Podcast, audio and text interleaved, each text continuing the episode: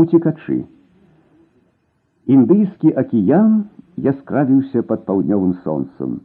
То сляпіў вочы, адбіваючы агнявыя промні, то цешыў вока цёмнай сінявой.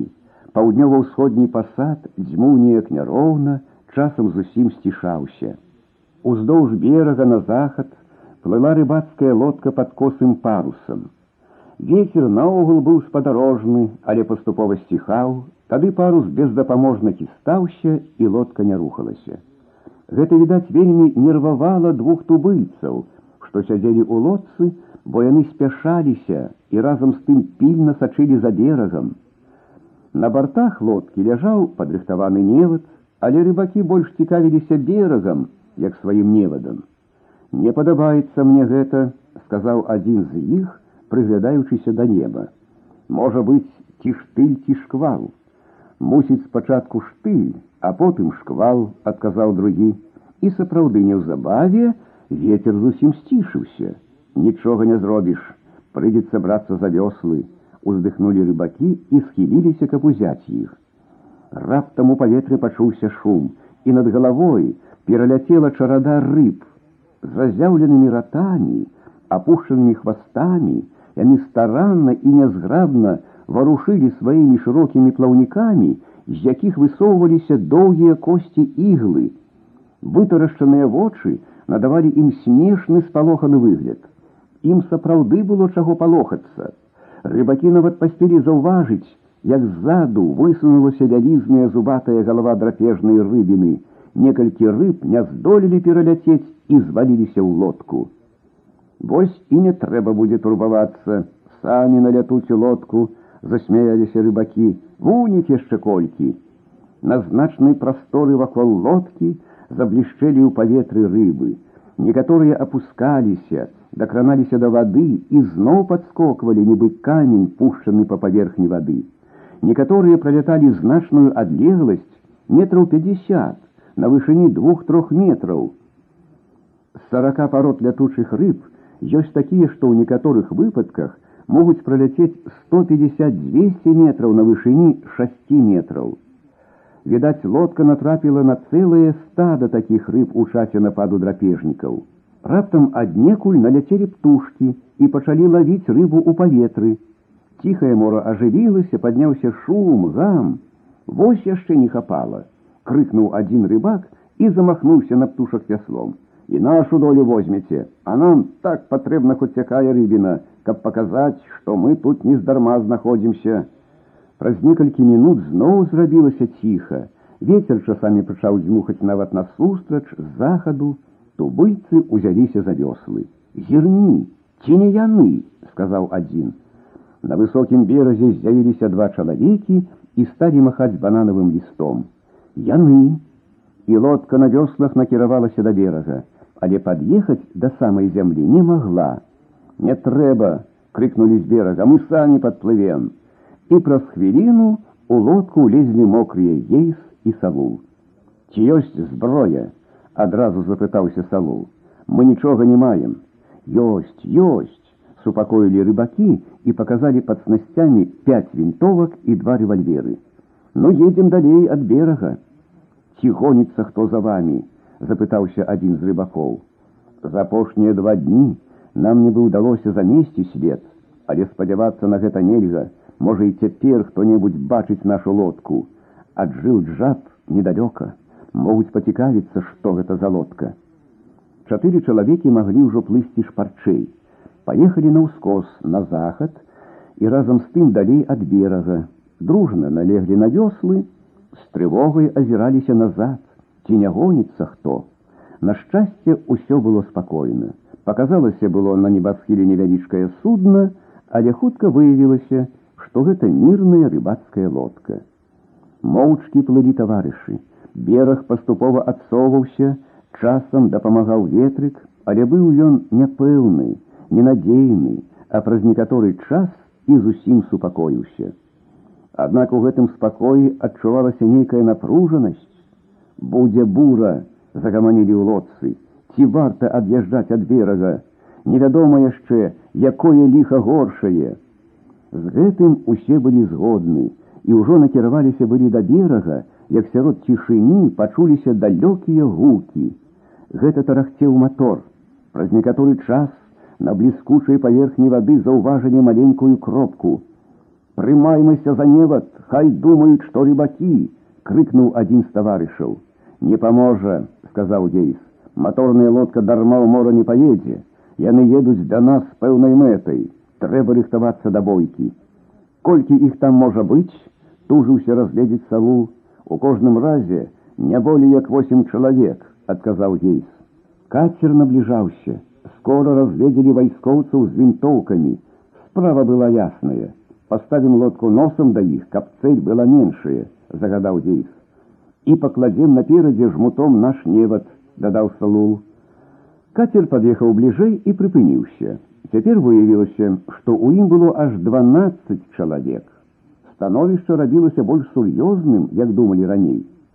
Імем закона вы арыштаваныя, крыкнуў адтуль маладзенькі галандскі пагранічнік. Рукі ў гору, нічога не зробіш, адказалі з лодкі, у гору дык у гору. Рукі сапраўды падняліся ў гору і далі залп. Пачалася перастрэлка. Адзін чалавек на кацеры зваліўся забіты, два чалавекі крыху паранены, а на лодцы пакуль што страт не было. Кулі або застравалі ў снасці, або вылеталі адтуль зусім аслабленыя. На кацеры заўважылі невыгоду свайго становішча, ад'ехалі назад і пачалі заходзіць збоку. Заварочвайце, крыкнуў гейс, але нязграбная рыбацкая лодка на вёслах не магла раўняцца з кацерам. Тады жмут снасцей перацягнулі да краю і прытуліліся за ім.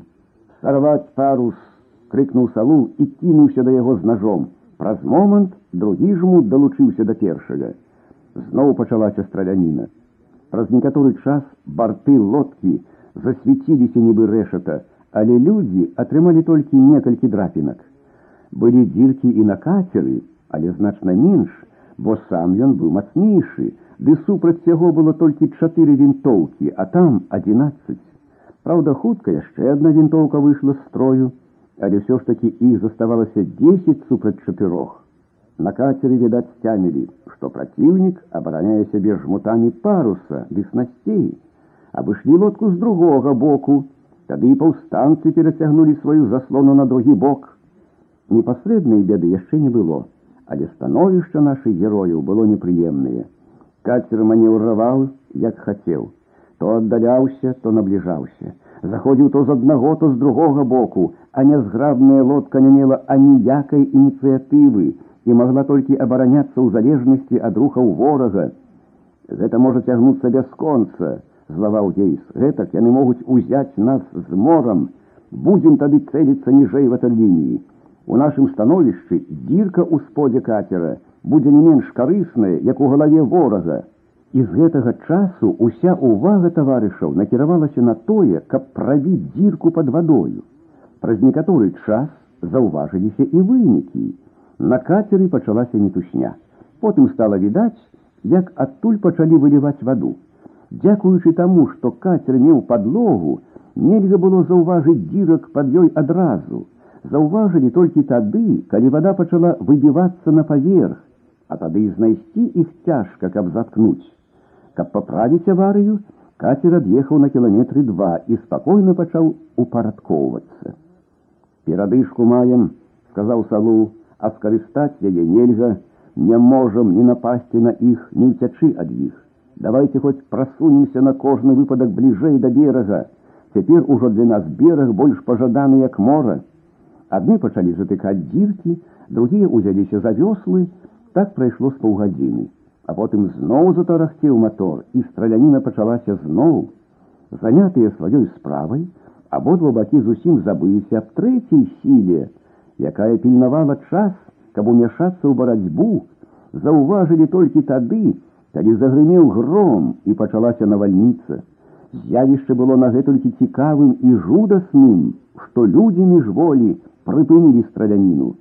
Палова кругавіду была ахоплена чорнымі хмарамі, якія клубіліся нібы дым. У гэтым чорным хаосе безупынна блізкала маланка, ад хмараў нібы заслона, спускалася на мора шэрая дажджавая сцяна, а пад ёй пенілася і далелася мора быццам снежнае поле. А ў гэты самы час з другога боку Мора спакойна лашчылася пад сонцам, не думаючы аб тым, што яго чакае. Сцяна шпарка набліжалася. Наперадзе, нібы разведчыкі, неслася атара баранчыкаў. Яшчэ хвіліна, і навала праглынула абедзве лодкі. Гадзіны праз паўтары выглянула сонца, і ўсё навокал прыняло ранейшы выгляд, толькі акіян цяжка дыхаў, нібы змораны барец. Варожых лодак не было ўжо відаць. Прырода памірыла іх, але ў адным месцы высоўваецца з вады галава і зноў опускаецца под ваду. Булбалкі сведчаць, што справа гэтага чалавека скончана. Там далей валтузіцца разам два чалавекі, чапляюцца адзін за аднаго, перашкаджаюць адзін аднаму, змагаюцца, каб расчапіцца. Гэта мацнейшыя з каманды кацера, але моц іх ужо страчана ўся за гэтыя паўтары гадзіны.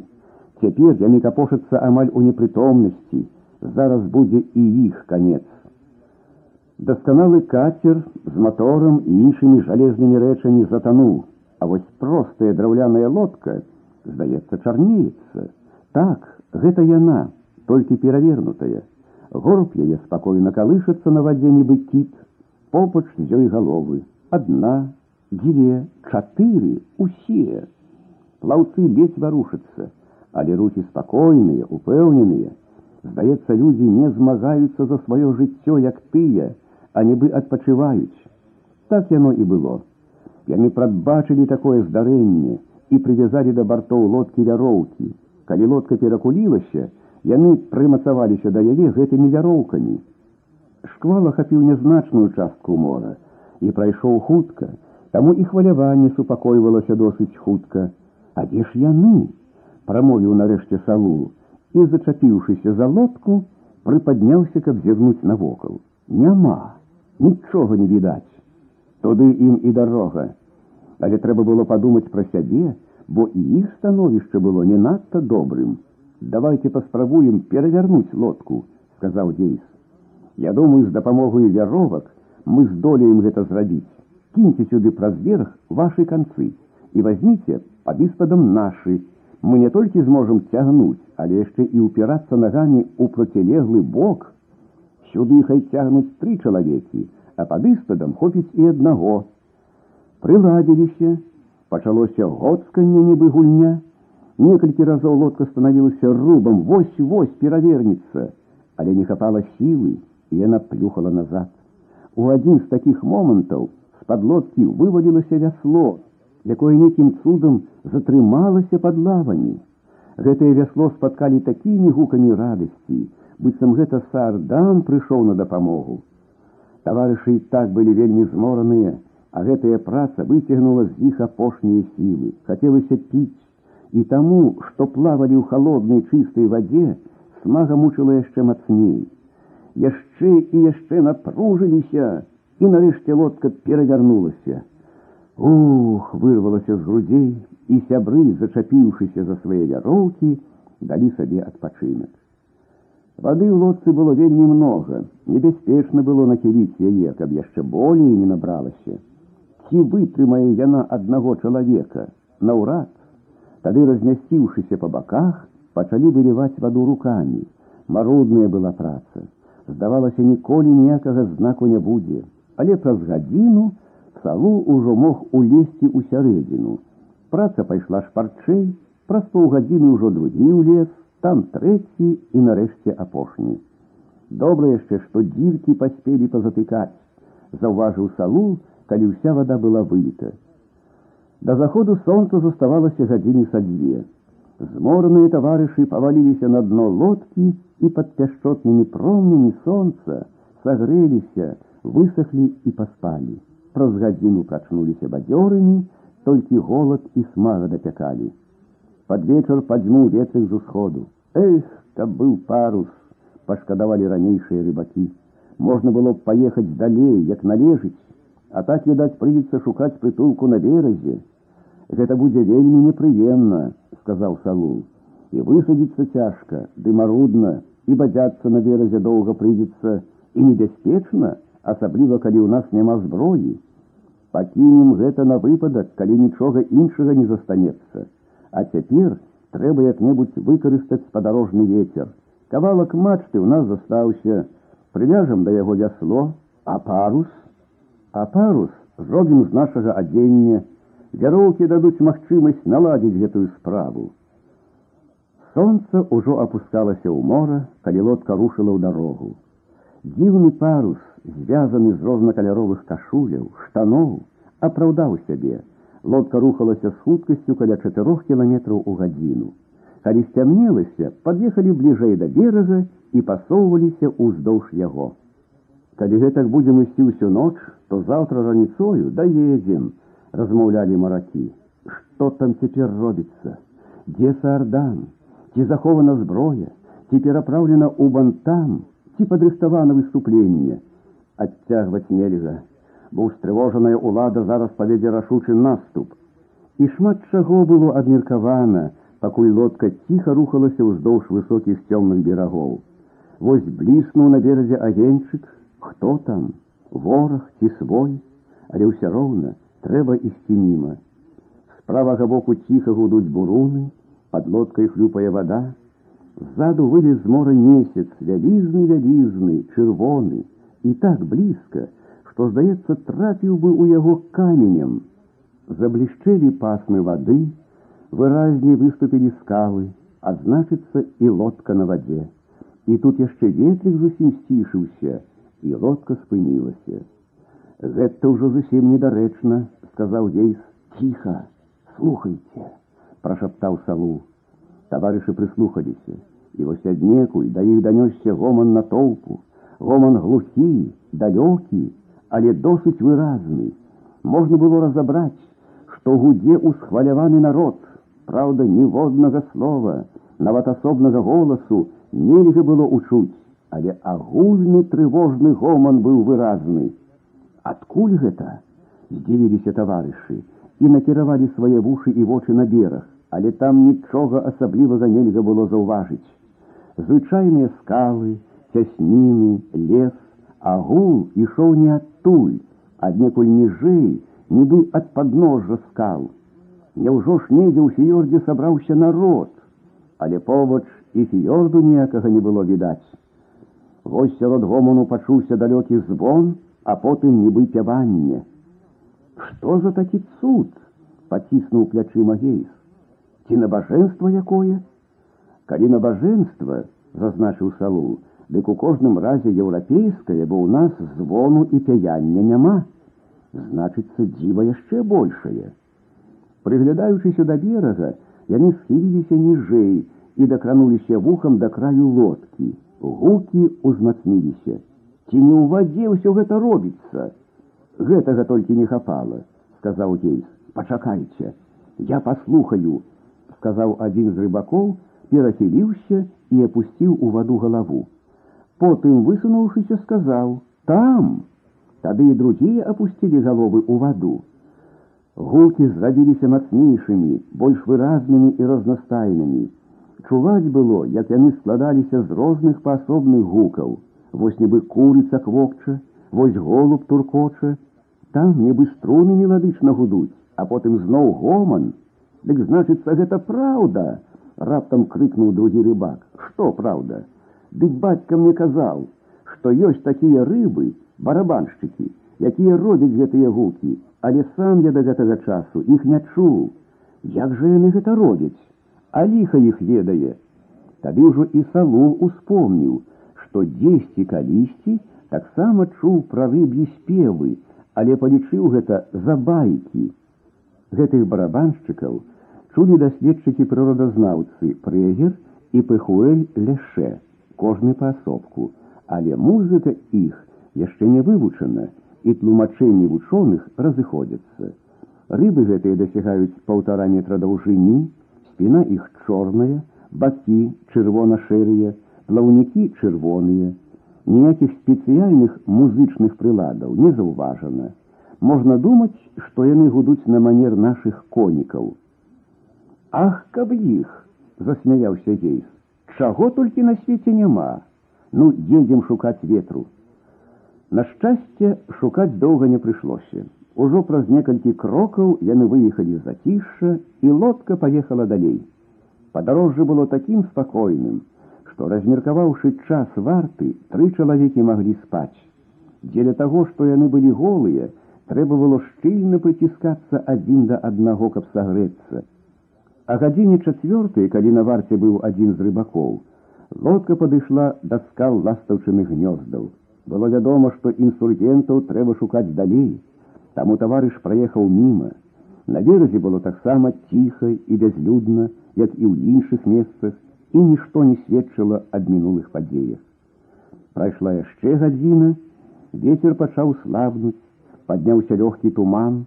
Трэба было будзіць салула і гейса, якія павінны былі ў апошні момант узяць кіраўніцтва ў свае рукі.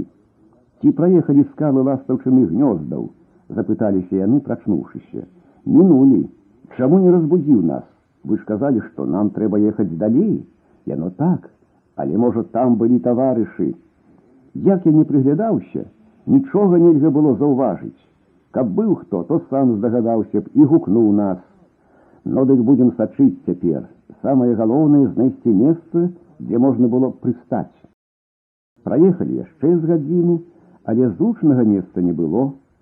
Усё тыя ж стромкія скалы і рыфы перад імі. Ззаду ўжо засвятлелася неба але ж затое навокал пачаў павялічвацца туман і разам з тым зусім спыніўся ветер.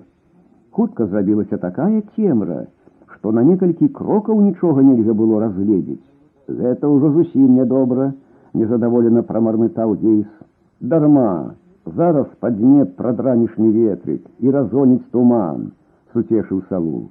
Але ж вельмі холодна, знінем наш парус і апранемся, Уся роўна нам ехаць далей не трэба, а толькі шукаць, дзе прыстаць.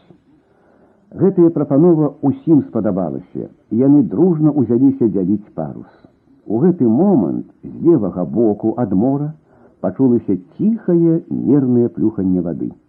Таварышы прытаіліся, замерлі, плюханне набліжалася, сумнення не магло быць, гэта была лодка, але якая, чыя, свая ці варожая, і што рабіць з голымі рукамі, калі варожае.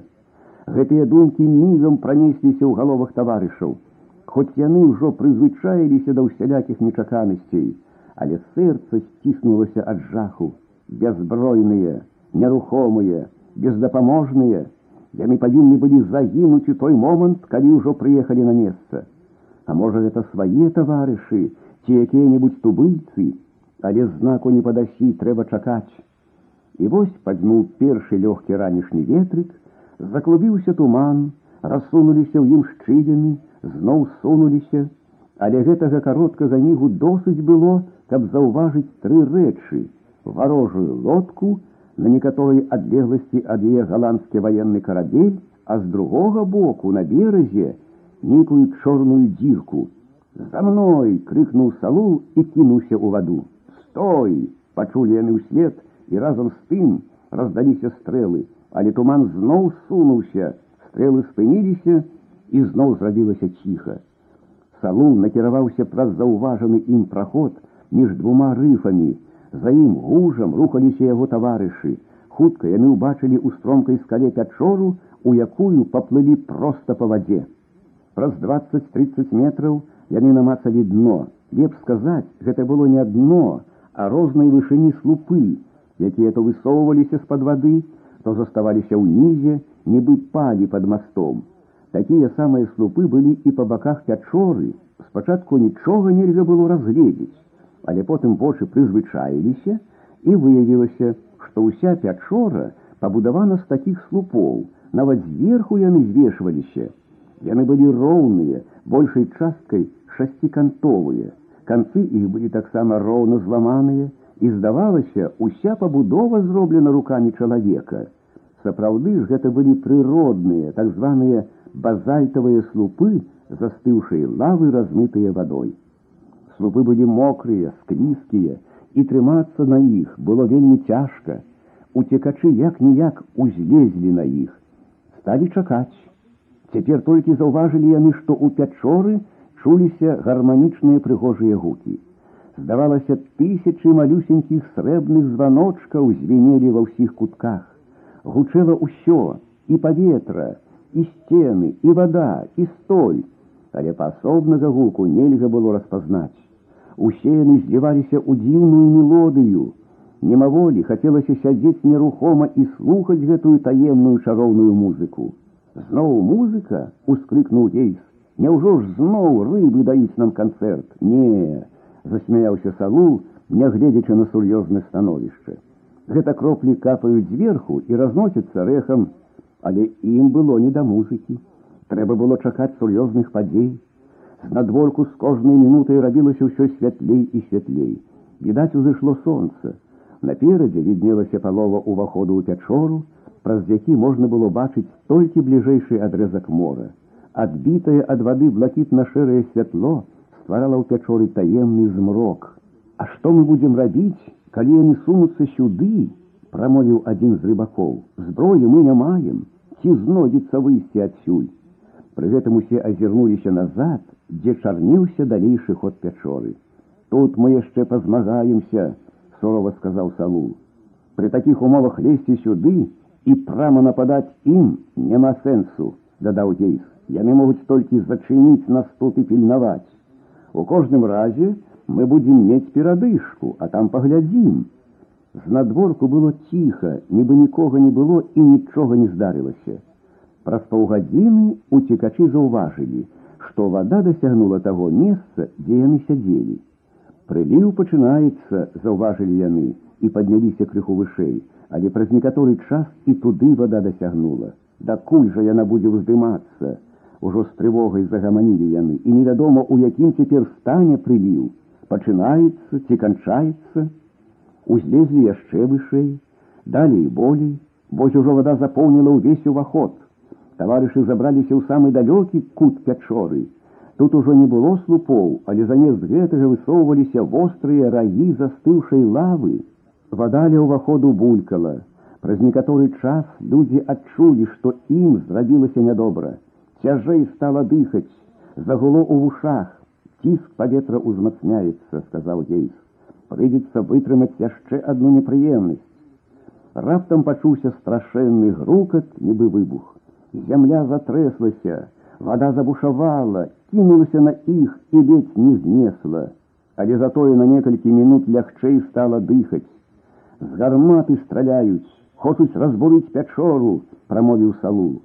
Не разумею я іх, задуменна сказаў Кейс. Няўжо яны дзелі некалькіх чалавек, думаюць зруйнаваць скалы. На гэта ў іх не хопіць ні гармат, ні снарадаў. Ды цяпер, калі ўваход зачынены, яны павінны страляць проста па суцэльнай гары, не разумею. А ціск зноў пачаў павялічвацца. У самы цяжкі момант зноў пачуўся выбух і зноў пасля гэтага на некаторы час стала лягчэй дыхаць. Але ад кожнага выбуху у пячоры рабілася нешта незвычайнае. Вада кідалася ўверх, нібы пад ёй, разарвалася міна, а ў паветры уздымаўся такі віхор, што нельга было ўтрымацца на месцы. Няўжо яны пускаюць на нас міны, здзівіліся таварышы, але не заўважалася руйнавання, якое павінна быць ад міны. Зноў стала цяжэй дыхаць, цяжэй нават як раней, і зноў выбух асвяжыў паветра. Так паўтарылася некалькі разоў. Перапынак між выбухамі рабіўся ўсё даўжэйшым, але разам з тым і адчуванне адціску паветра рабілася горшым. Самае ж галоўнае, пасля кожнага выбуху вода падымалася ўсё вышэй і вышэй. Уцекачы лезлі ўсё далей і далей, а вода ўсё іх даганяла. Разумею цяпер, у чым справа, крыкнуў раптам ейс. Мы знаходзімся нібы ў пустой бутэльцы, якая павернута бокам і напаўняецца вадою. Выбухі гэта бульканне ў вялікім маштабе.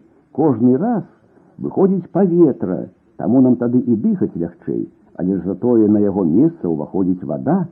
Значыцца, выразліва сказаў салу, значыцца ўсё залежыць ад таго, ці павысіцца прыліў настолькі, каб напоўніць нашу бутэльку.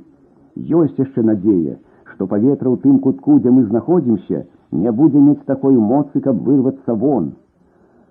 Нарэшце яны дапаўзлі да канца пячоры. Выбухі спыніліся. Можа, ўжо прыліў скончыўся, абрадаваліся небаракі. Адзін з іх спусціўся да вады, пастаяў некаторы час і з прыкрасцю пераканаўся, што яна яшчэ падымаецца. Але добра, што выбухаў больш няма, суцешаў Гейс. Можа, рэшта паветра захаваецца і затрымае ваду. Тут яны пачулі не то свіст, не то сіпенне, змяя. У гэтай цемры такое суседства было не вельмі прыемным. Пачалі прыслухоўвацца, адкуль ідзе сіпенне, ішло яно аднекуль зверху, і пры гэтым было аднастайнае, роўнае, безупыннае. Значыцца, гэта была не змяя. Гэта ж паветра выходзіць праз нейкую шчыліну, ускрыкнуў салун. Можа, выйсце ёсць, але гейс толькі паківаў галавой. Каб было выйсце, сказаў ён, то не было б ні выбухаў, ні гэтага самога сіпення. Тут мусіць толькі маленечкая дзірачка. Магчыма, што яе можна пашырыць і зрабіць сабе праход. А калі не, то гэтая самая дзірачка можа загубіць нас. Цяпер вада не можа запоўніць наш куток, бо паветра не пускае яе. А калі паветра ўсё выйдзе, то месца яго зойме вада. У такім разе давайте зараз жа церабіць сабе праход. Прыняліся за працу. З першых жа крокаў намацалі, што з бакоў сцены суцэльныя, але наперадзе былі навалены каменні і зямля. Відаць, тут пячора калісьці абвалілася. Энергічна ўзяліся выварочваць каменні, адграбаць зямлю, калечылі рукі, падбівалі ногі, надавала бадзёрасці тое, што ўсё ж такі каменні і зямля падаваліся. А вада ўсё прыбывала. таварышы, сказаў нарэшце ейс, хоць зямля падаецца, хоць калі-небудзь куды-небудзь мы дакапаемся, але зараз мы павінны шукаць ратунку там, наверсе, дзе шчыліна, Але як туды дабрацца? Гэта была задача, а вада ўсё прыбывала.